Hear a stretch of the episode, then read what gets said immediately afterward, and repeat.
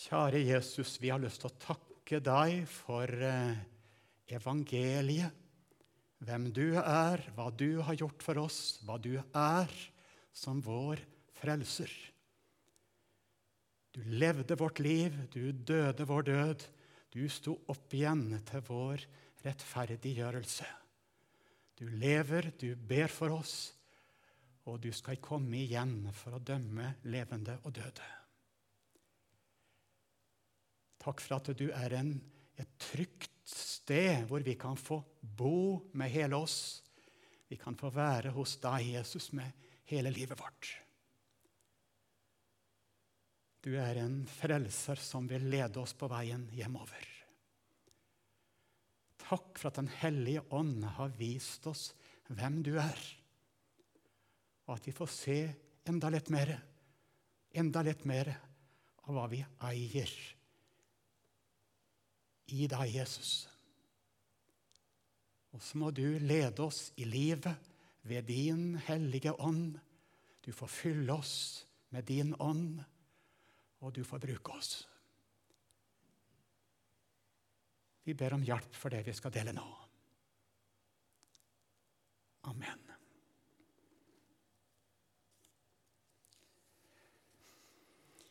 Jesus sier i Johannes evangeliet i kapittel 16, når han taler om Den hellige ånds gjerning eh, Han skal herliggjøre meg, står det. Han skal herliggjøre meg, kapittel 16, vers 14. Den hellige ånd skal gjøre Jesus Kristus herlig, stor. Bibelen taler om at vi skal Paulus ber om at vi må få mer og mer hjertets opplyste øyne. Det, det, det ser ut som at vi har noen øyer i, i, hjertet vårt. For det er jo ikke våre fysiske øyer. Men hjertet har øyer. Vi skal få opplyste øyne, så vi ser mer og mer hvem Jesus er, hva han betyr, hva han har gjort, hvilke, hvilke konsekvenser det har inn i livet vårt. Hjertet hjertets opplyste øyne ber Paulus om at Efeser-menigheten må få mer og mer.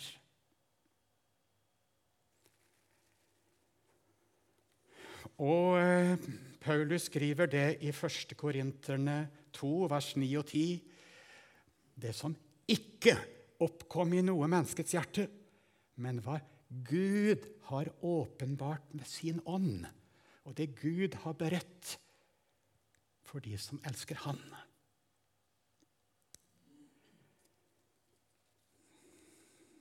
Det brukes dette ordet i første korinterne eh, eh, to eh, Men for oss har Gud åpenbart det ved sin ånd.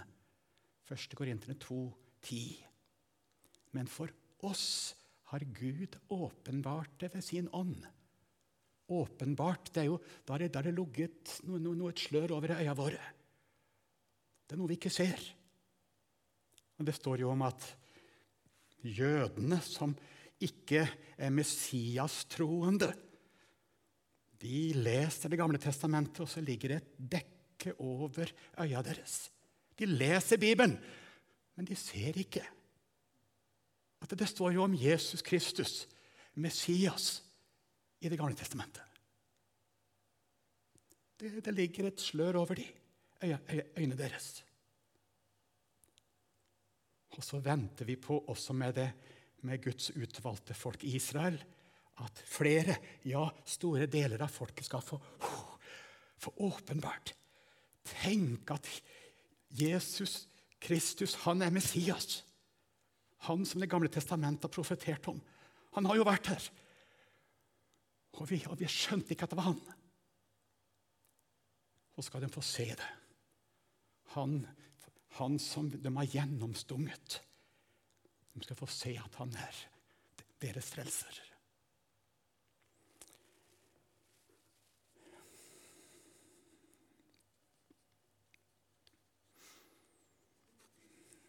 Her tror jeg vi i forsamlingen nå har veldig mange ulike erfaringer. Hvordan den åpenbaringen av evangeliet har skjedd. Hvordan det skjer i dag.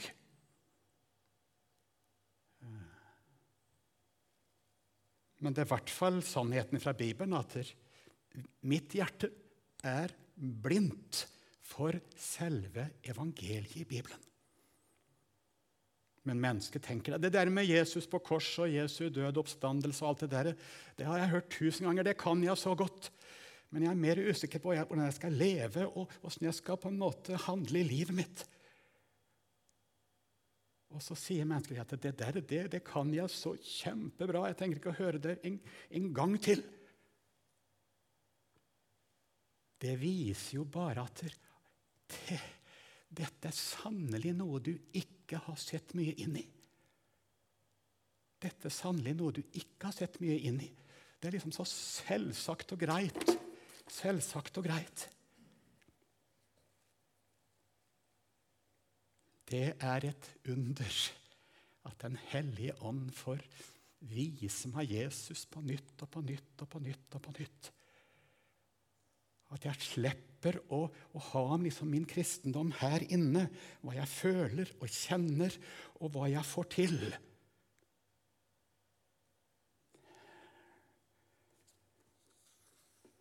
Vi vet at Martin Luther han, For han skjedde det i et øyeblikk. Han satt liksom og leste i romerbrevet, og så, så, så snudde det opp ned på hele hans bibelforståelse. Og så fikk alltid Bibelen et nytt lys. Han hadde fått sett Jesus er min rettferdighet. Jesus er min rettferdighet. Ikke det jeg skal oppfylle, men det Gud har gitt meg. Min rettferdiggjørelse, min rettferdighet.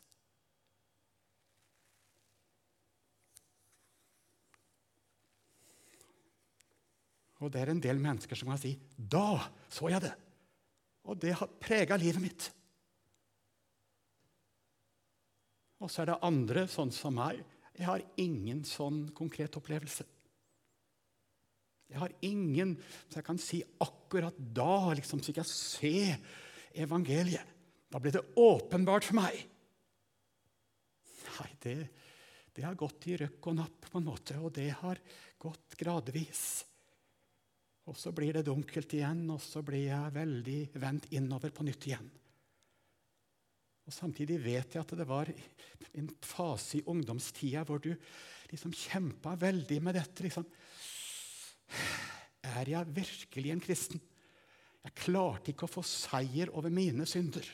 Selv om jeg ba og kjempa og ønska at Jesus skulle hjelpe meg til å få seier.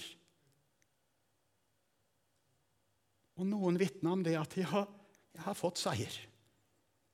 Jeg, jeg, har fått en skikkelig kraft inn i livet mitt, og jeg har seier over ting jeg strevde med. Men jeg hadde ikke den seieren. Er jeg en skikkelig kristen? Men da å liksom få høre forkynnelse og veiledning og samtale at ja, men det er ikke din seier, din seier. Det er ikke den kraften du skal kjenne. Men Jesus sier, 'Min nåde er nok for deg. Min nåde er nok for deg. Det er ingen fordømmelse for den som er i Kristus Jesus. Der skal du få lov å leve midt i kampen. Inni et hus, inni et rom som heter Jesus. Ingen fordømmelse, selv om det er masse nederlag. Ingen fordømmelse. Ingen fordømmelse. Min nåde er nok for deg.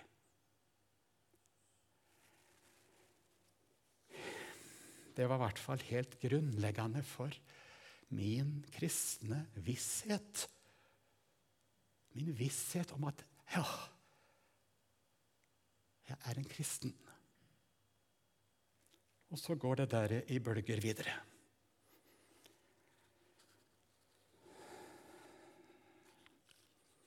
Jeg leste ei god bok i ungdomstida som hadde noen flotte overskrifter. Ei overskrift var sånn Alt yes, alt mitt, alt mitt, ble Jesus sitt. Alt mitt er hans. Gitt for våre overtredelser, oppreiste vår rettferdiggjørelse, står det i slutten av eh, Romerne 5. Han er gitt for mine overtredelser. Han er oppreist til min rettferdiggjørelse. Når Jesus dør på korset, så tar han ansvar for hele mitt liv. Det som er godt, og det som er dårlig, og hele pakka. Om jeg ser det eller ikke ser det, om jeg, har, om jeg forstår det eller ikke forstår det. Jesus tar alt mitt. Og jeg er fri. Og I tillegg til det så står det at der kom det et nytt avsnitt med at alt Jesus sitt er mitt. Når Jesus står opp igjen, så akkurat som jeg får Jesus sitt liv. Jesus sin seier, Jesus sin renhet, Jesus sin fullkomne drakt, Jesus sin barnerett, Jesus sin arv i det evige, fullkomne Guds rike. Få se litt mer av det der. Hele mitt liv, det har Jesus tatt ansvar for. Og så får du Jesus sitt liv. Og Derfor så sier Paulus, 'Kristus mitt liv', Kristus mitt liv. Jeg lever ikke lenger sjøl. Og så sier han, 'Kristus lever i meg'. Fordi at Den hellige ånd har skapt et nytt liv i hjertet når han kommer til tro på Jesus. Men han sier også at 'mitt liv er skjult i Kristus'. Han er også noe som omgir han. Mitt liv er skjult i Kristus. Han, det er et hus som han bor i. Ei hytte, en bygning, en kledning som han bare får gjemme seg i, bo i, som heter Jesus Kristus.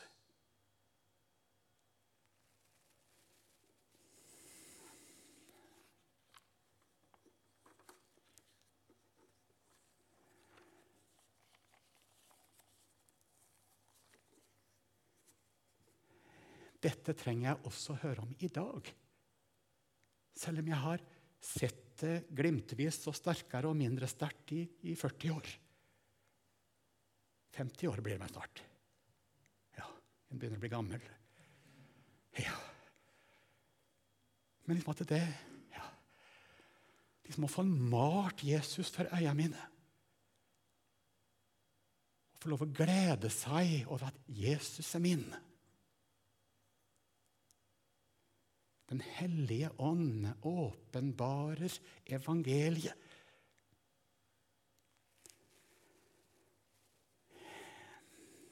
Bibelen sier at du skal ikke være en ordets, bare en ordets hører, men også en ordets gjører.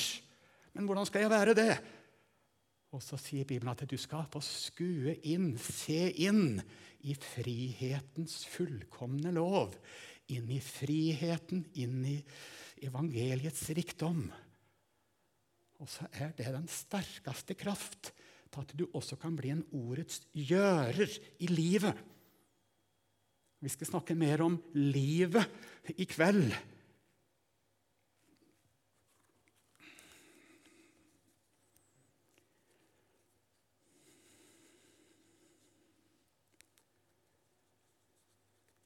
Det er Den hellige ånds gjerning at han på nytt og på nytt og på nytt viser meg Jesus. Jeg får se vekk fra meg sjøl. Jeg får se vekk fra om det går dårlig eller bra i mitt liv og i min tjeneste og i hva jeg gjør og ikke gjør, og hva, og hva som jeg kjenner i hjertet.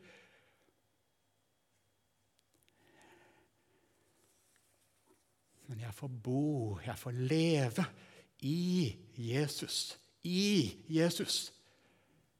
Det er noen brever i Paulus sin, sine brever som er sånn pakka fullt. I Jesus, i Jesus, i Jesus, i Jesus. Der skal du få være. Du, du, du har et, et, et, et bosted. En plass du får leve.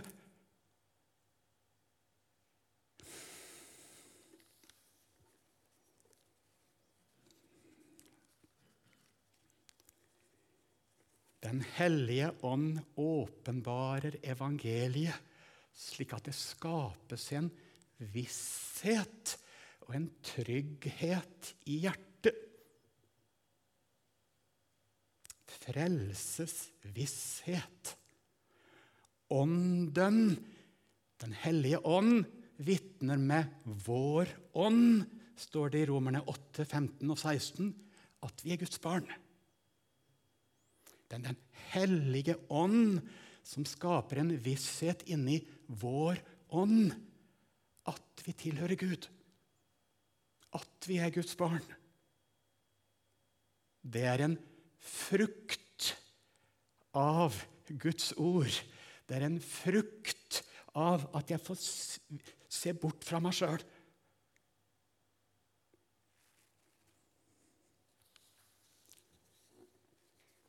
Det er en frukt som Gud skaper, at jeg får lov å stole på det. Ja, men det gjelder det som står i Bibelen.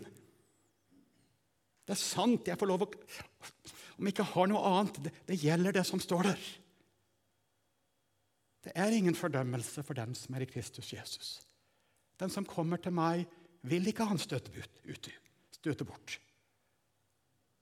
Han har sagt noe som Og vissheten blir noe som Gud sier i Bibelen, som Den hellige ånd minner meg om og overbeviser meg om.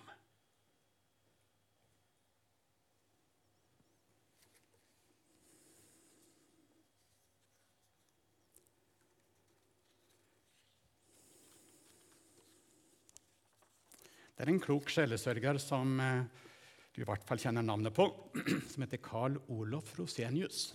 Det er kanskje ikke så mye vi leser av han i dag, men han har sagt mye lurt. Han sier det at må du ha frelsesvisshet for å være frelst. Må du ha frelsesvisshet for å eie liksom syndenes forlatelse? Han svarer nei. Vi må ikke gjøre vissheten til liksom en betingelse.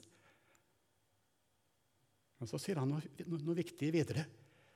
Men det er så viktig for livet vårt, for helliggjørelsen, for den kristne veksten, at vi får eie en visshet. For gleden i Herren er vår styrke, sier han videre.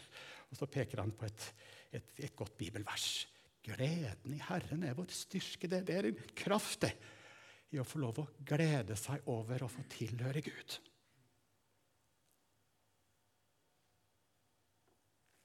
Og så vet vi at det her påvirkes ikke bare av synder og ikke-synder, men det påvirkes av vår syke og, og, og vår mentaltilstand og vår slitenhet og ikke-slitenhet. Og vi er så sammensatte som mennesker. Og så vet vi at det er noen som er engstelige av natur. De, de, de er engstelige for alt mulig. Og det ligger så dypt liksom i psyken. Og så syns de at det er veldig vanskelig å ha visshet om at en er kristen. fordi de, de, de engster seg med alt.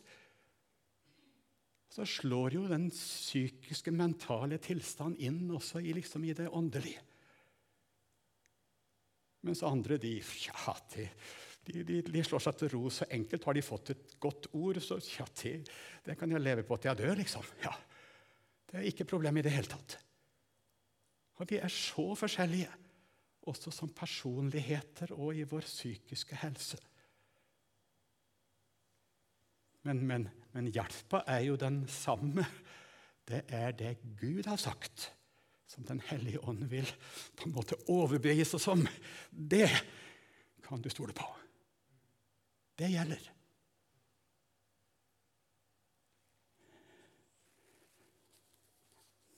Hvordan det føles og hvordan det går. Barn skal jeg enda få være. Om jeg en synder og anklaget står, slipper jeg selv for meg svare. Også i livets mørkeste stund gjelder der oppe nådens forbund. Det er sjelesorg om som Den hellige ånd har gitt til en sangdikter. Den hellige ånd gir en, en visshet. Jeg skal slippe å, å være avhengig av om det, om det, hvordan det går opp og ned. Men det er noe der oppe som holder alle dager. Det er noe som står fast, noe som Gud har sagt. Og det sitter en i himmelen og ber for meg og sier, 'Slapp av, jeg er din frelser.' Det er ingen fordømmelse. Det er nok, det som jeg gjorde.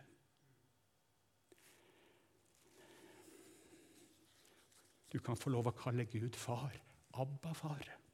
Du skal slippe å være en trell som må oppfylle, oppfylle, oppfylle. En kan tenke det at jaha, det her lærte jeg da jeg var 17 år.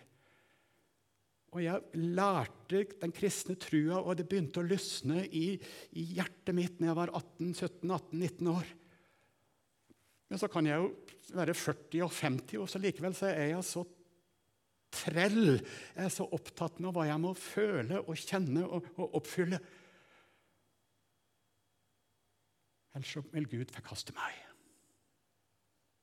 En tenker sånn som en trell. Hva har du gjort? Hva har du gjort? Hva har du gjort? Hva har du gjort? Og så skal du få være barn hos Gud. Barn. Guds kjærlighet er ikke avhengig av hva du har gjort og ikke gjort. Du er barn hos Gud i himmelen fordi at Gud elsker deg, og han har gitt Jesus for deg. Og du skal få være barn nå. Og Der kan du få lov å skrike og klage og takke. For det er gode og vonde dager, og du skal få være barn hos Gud. Barn hos Gud. Og Du kan få skrike og være sint noen dager, og du kan få være glad og juble andre dager.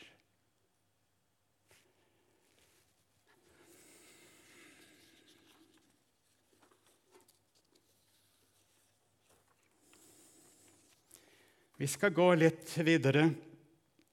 Jeg vet ikke lenge skal vi holde på nå, fram til Du får si en.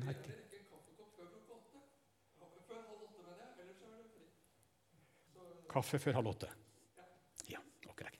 Greit.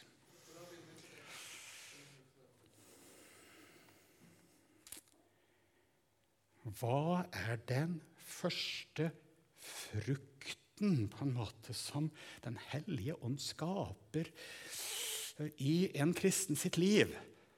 Ja, som, som, som kommer også når du er gammel. Hva er den første frukten, Den hellige ånds frukt? Kan godt hende at du har svaret med en gang. Åndens frukt er kjærlighet. Glede, fred, langmodighet, avholdenhet, tålmodighet. Du kjenner utsagna. Men hva var det som kom først? Kjærlighet. Det som vi mennesker ikke har på den måten av naturen, en, en, virkelig kjærlighet til mine medmennesker som, som, Gud ønsker at du skal ha. Og en virkelig kjærlighet til Gud som jeg slett ikke har i mitt eget hjerte.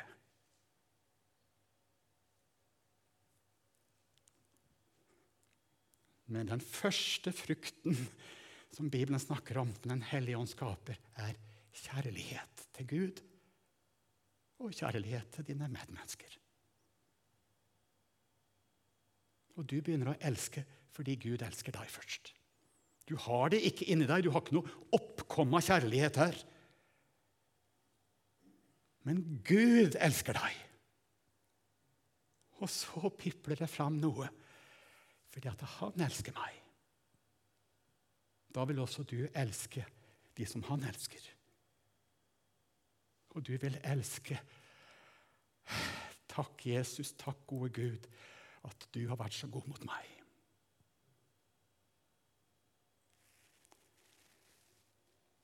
I dette kjærligheten ikke at vi har elska Gud, men at Han har elska oss og sendt sin sønn til soning for våre synder. Så tror også vi er skyldige. Da vil det også det komme at vi skal elske våre medmennesker.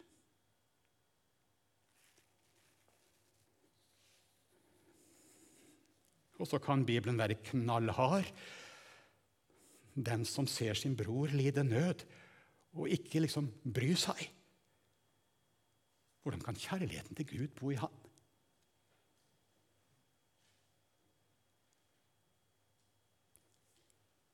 Så den kjærligheten, den, den, den viser seg i livet.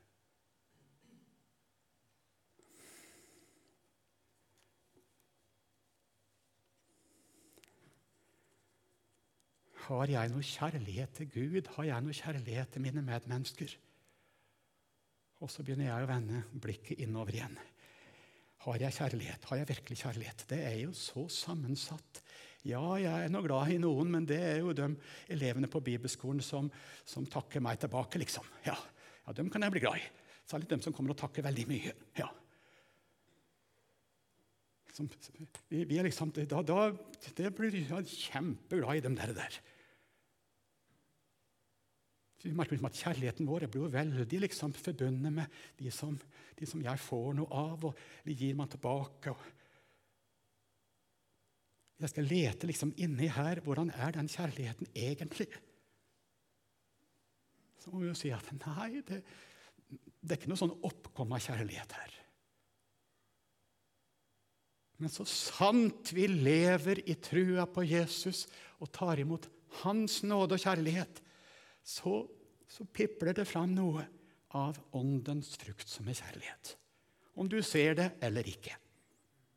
Om du ser det eller ikke. Og Det viktigste er ikke at du ser det og kjenner det liksom inni her alltid. Noen ganger så kan du kjenne det. Vi vet at jeg har gått over fra døden til livet. For jeg har begynt å elske brødre og søstre som jeg før ikke hadde noe forhold til. Vi vet at vi kan gå fra døden til livet. Det, det er noe gjenkjennelig også som, som kan si Ja, før så brød jeg meg ikke om de menneskene der, men nå blir jeg faktisk glad når jeg ser dem. Det er noe som er gjenkjennelig, men, men, men det skifter litt. Men vi, vi, vi oppmuntrer oss til måte å ransake oss. Vi må nå kjenne at Guds ånd bor i oss. Og Samtidig, så når vi begynner å ransake oss, så må vi si 'Ransak meg, Gud, og kjenn hjertet mitt'. Du får se om jeg er på fortapelsens vei, og så må du lede meg på evighetens vei. Jeg får ikke noe visshet liksom, med å ransake meg. Men jeg trenger å be at Gud får ransake.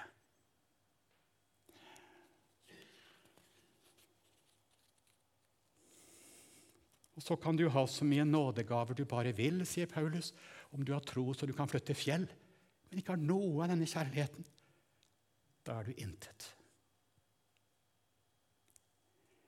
Åndens frukt er kjærlighet, et absolutt kjennetegn på at du lever med Gud, at Den hellige ånd har, holder oppe livet i deg.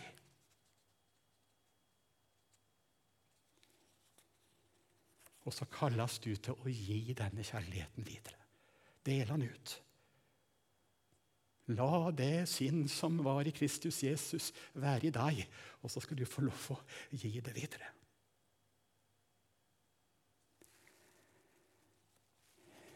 Det er ikke ditt eget, på en måte, men, men du har fått det for å gi det videre. Vi skal ta det i bruk. Vi skal dele det. Vi skal leve det ut i en tøff verden.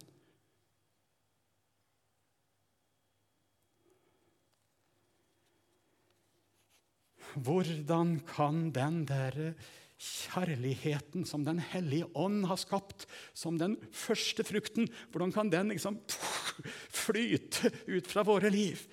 Å, tenk om liksom det Jeg tror du ser det best hos andre mennesker men du har lyst til å se det hos deg sjøl. Men du merker det visst mest hos andre. Når jeg møter den og den og den og den akkurat som jeg, jeg møter Jesus når jeg møter de menneskene. Jeg møter sånn omsorg og kjærlighet og dybde i større eller mindre grad.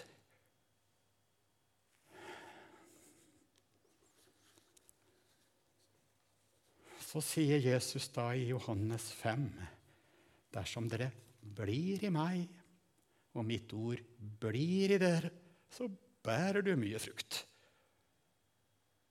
Bli i min kjærlighet, sier Jesus. Bli i min kjærlighet. Bli, la Jesus få elske deg. La han få elske deg, tale til deg, trøste deg. La han få elske deg som bare han kan. Bli i den kjærligheten. Det er den beste medisin for at du skal bære mye frukt, sier apostelen Johannes i kapittel 15. Det er ikke noen annen medisin. Det er ikke noen annen hokus pokus. Det er ikke noen annen hva du må gjøre, oppfylle og klare, og hva du skal få til. Bli i min kjærlighet, sier Jesus. Så skal du bære mye frukt. Og så vil Gud rense dette treet så det bærer mer frukt. Han vil beskjære det, og det kan gjøre vondt noen ganger. Han vil rense treet, og så skal du bære mer frukt. Åndelig frukt.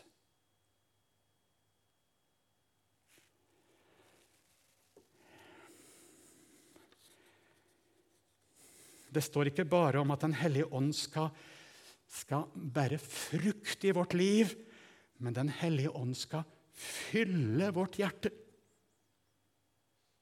Ha makt i vårt hjerte. Drikk dere ikke drukne av vin, men bli fylt av Den hellige ånd, fylt av Guds ånd, står det i Efeserne 5. Den hellige ånd er jo en person i guddommen. Det er jo Gud sjøl som vil bo i hjertet. Kan jeg få mer av Den hellige ånd? Kan jeg få mer av Gud? Eller er det sånn at han kan få større plass og mer makt i mitt liv? Gi Gud makt. Han kan få mer plass i mitt liv. Bli fylt av den ånd som bor i deg. Det står om dette i Efeserne 5.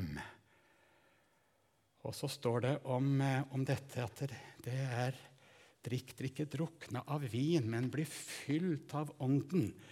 Og så står det videre i Efeserne 5, 18-20 så dere alltid sier vår Gud og Faderen takk for alle ting i vår Herre Jesu Kristi navn. Det kommer som en oppsummering av dette med åndsfylden. Så at du kan få lov å takke Gud for alle ting i Jesu navn.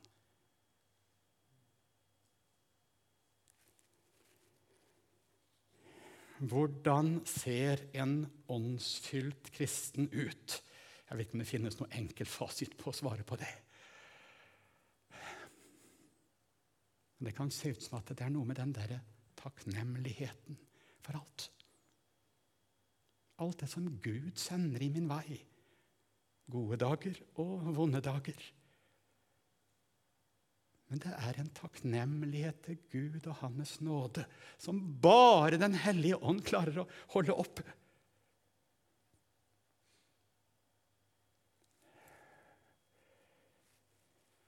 Det finnes mennesker som bekjenner kristen tru, men så fort du møter dem, så får du høre om alt som er galt, alt som er vanskelig, alt som er umulig.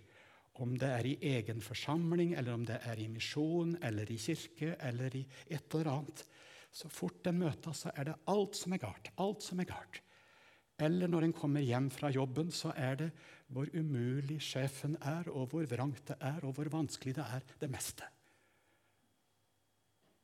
Er det åndsfylde? Ja, det kan være godt å lufte ut noen ganger når det er ting som er vanskelig. Vi trenger noen å lufte ut i sammen med men et liv som er prega av klaging og misnøye og mot andre mennesker og mot alt det som skjer. Det må jo være det motsatte av det å være fylt av Guds ånd. Så møter du noen mennesker som midt i tøffe ting så, så er en smittende takknemlighet imot Gud, imot Jesus. Og så blir du på en måte glad, du òg. Du blir på en måte dratt inn i det samme. For du merker at det er noe som smitter over på deg. Det er mennesker som er takknemlige til Gud, takknemlige til Jesus. Tenk at jeg har fått tilhøre Han. Tenk for alt det gode som Han sender i min vei. Og tenk at han, brukte også det vanskelige til å lede meg videre på veien. Dette betyr ikke at ikke vi skal få klage. At ikke vi skal få tømme ut vår frustrasjon overfor Gud. Vi skal både få lov å takke, og vi skal få klage. Det gir Bibelen rikelig rom for. Men Gud ønsker at livet skal bli fylt med takknemlighet for alt det gode han har gjort.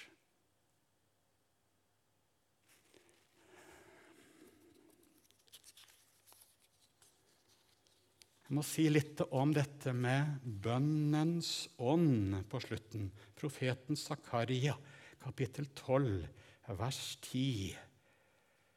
Så står det jo om denne på en måte vekkelsen iblant Guds folk. Og så står det han vil utgyde nådens og bønnens ånd. Du har kanskje lest den boka av Ole Hallesby fra Bønnens verden. Han bruker ganske mye tid til en måte med for bønnelivet. At Gud gir bønnens ånd. Gud gir nådens og bønnens ånd. Det, det, er ikke noe jeg har på en måte i meg sjøl. Men Gud gir deg bønnens ånd. Hjelp til å be.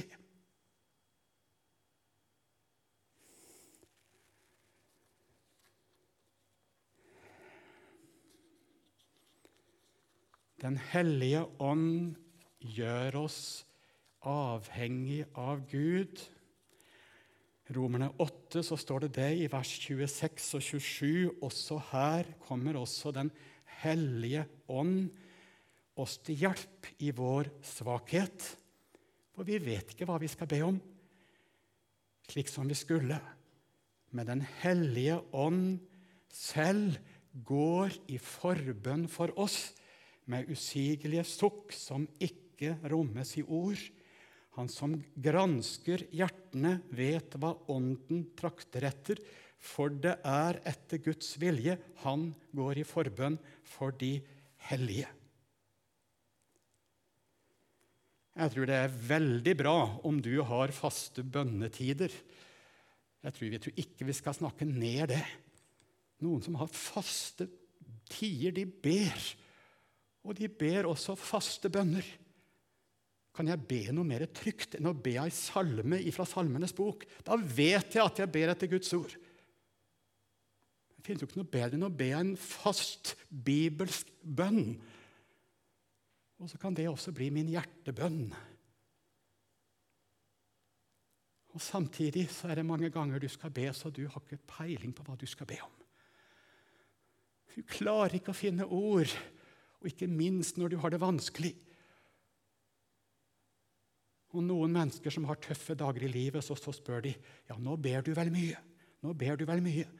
Når du har blitt sjuk, og når det har blitt smerte og sykdom og død. Og så er det mange som må si da at nei, nå orker jeg ikke be i det hele tatt. Jeg klarer ikke å forme ord i det hele tatt. Men jeg er så glad for at det er Jesus han ber for meg. Jeg er så glad for at Jesus ber for meg. Og han ser det sukket du har i hjertet. Den hellige ånd går i forbønn for deg. Den hellige ånd holder oppe en avhengighet av Jesus i deg. Også når du ikke klarer å be en bønn. For et under! For et under! Så er det folk som er så demente som bare det men Gud holder oppe livet. Gud holder oppe livet i hjertet deres og avhengigheten av Jesus. med sin hellige ånd. Hvis vi ikke kunne tro det. Men vi merker det. Og så synger du en sang for dem, og så, kommer sangen også i dømmes om de har, de har, glemt alt annet, og så lever det i dem. Den hellige ånd holder oppe trua, holder oppe avhengigheten i hjertet. Selv om alt annet er borte. Den hellige ånd ber for oss, bevarer oss, kjemper for oss. At du skal alltid bli bevart hos Jesus, være hos Jesus. Og hjelpe deg helt fram. Det er ikke mye sant bønneliv i ditt hjerte hvis ikke Den hellige ånd som holder oppe. Det er han som gjør om, om du våkner midt på natta så plutselig begynner du å be. Det er Den hellige ånd som på en måte skaper det. Så begynner du å rope til Gud med noe som er vanskelig. Det er Den hellige ånd som holder deg oppe, at ikke livet dør ut og gjør at det, det lever. Det lever. Avhengigheten din av Jesus Kristus.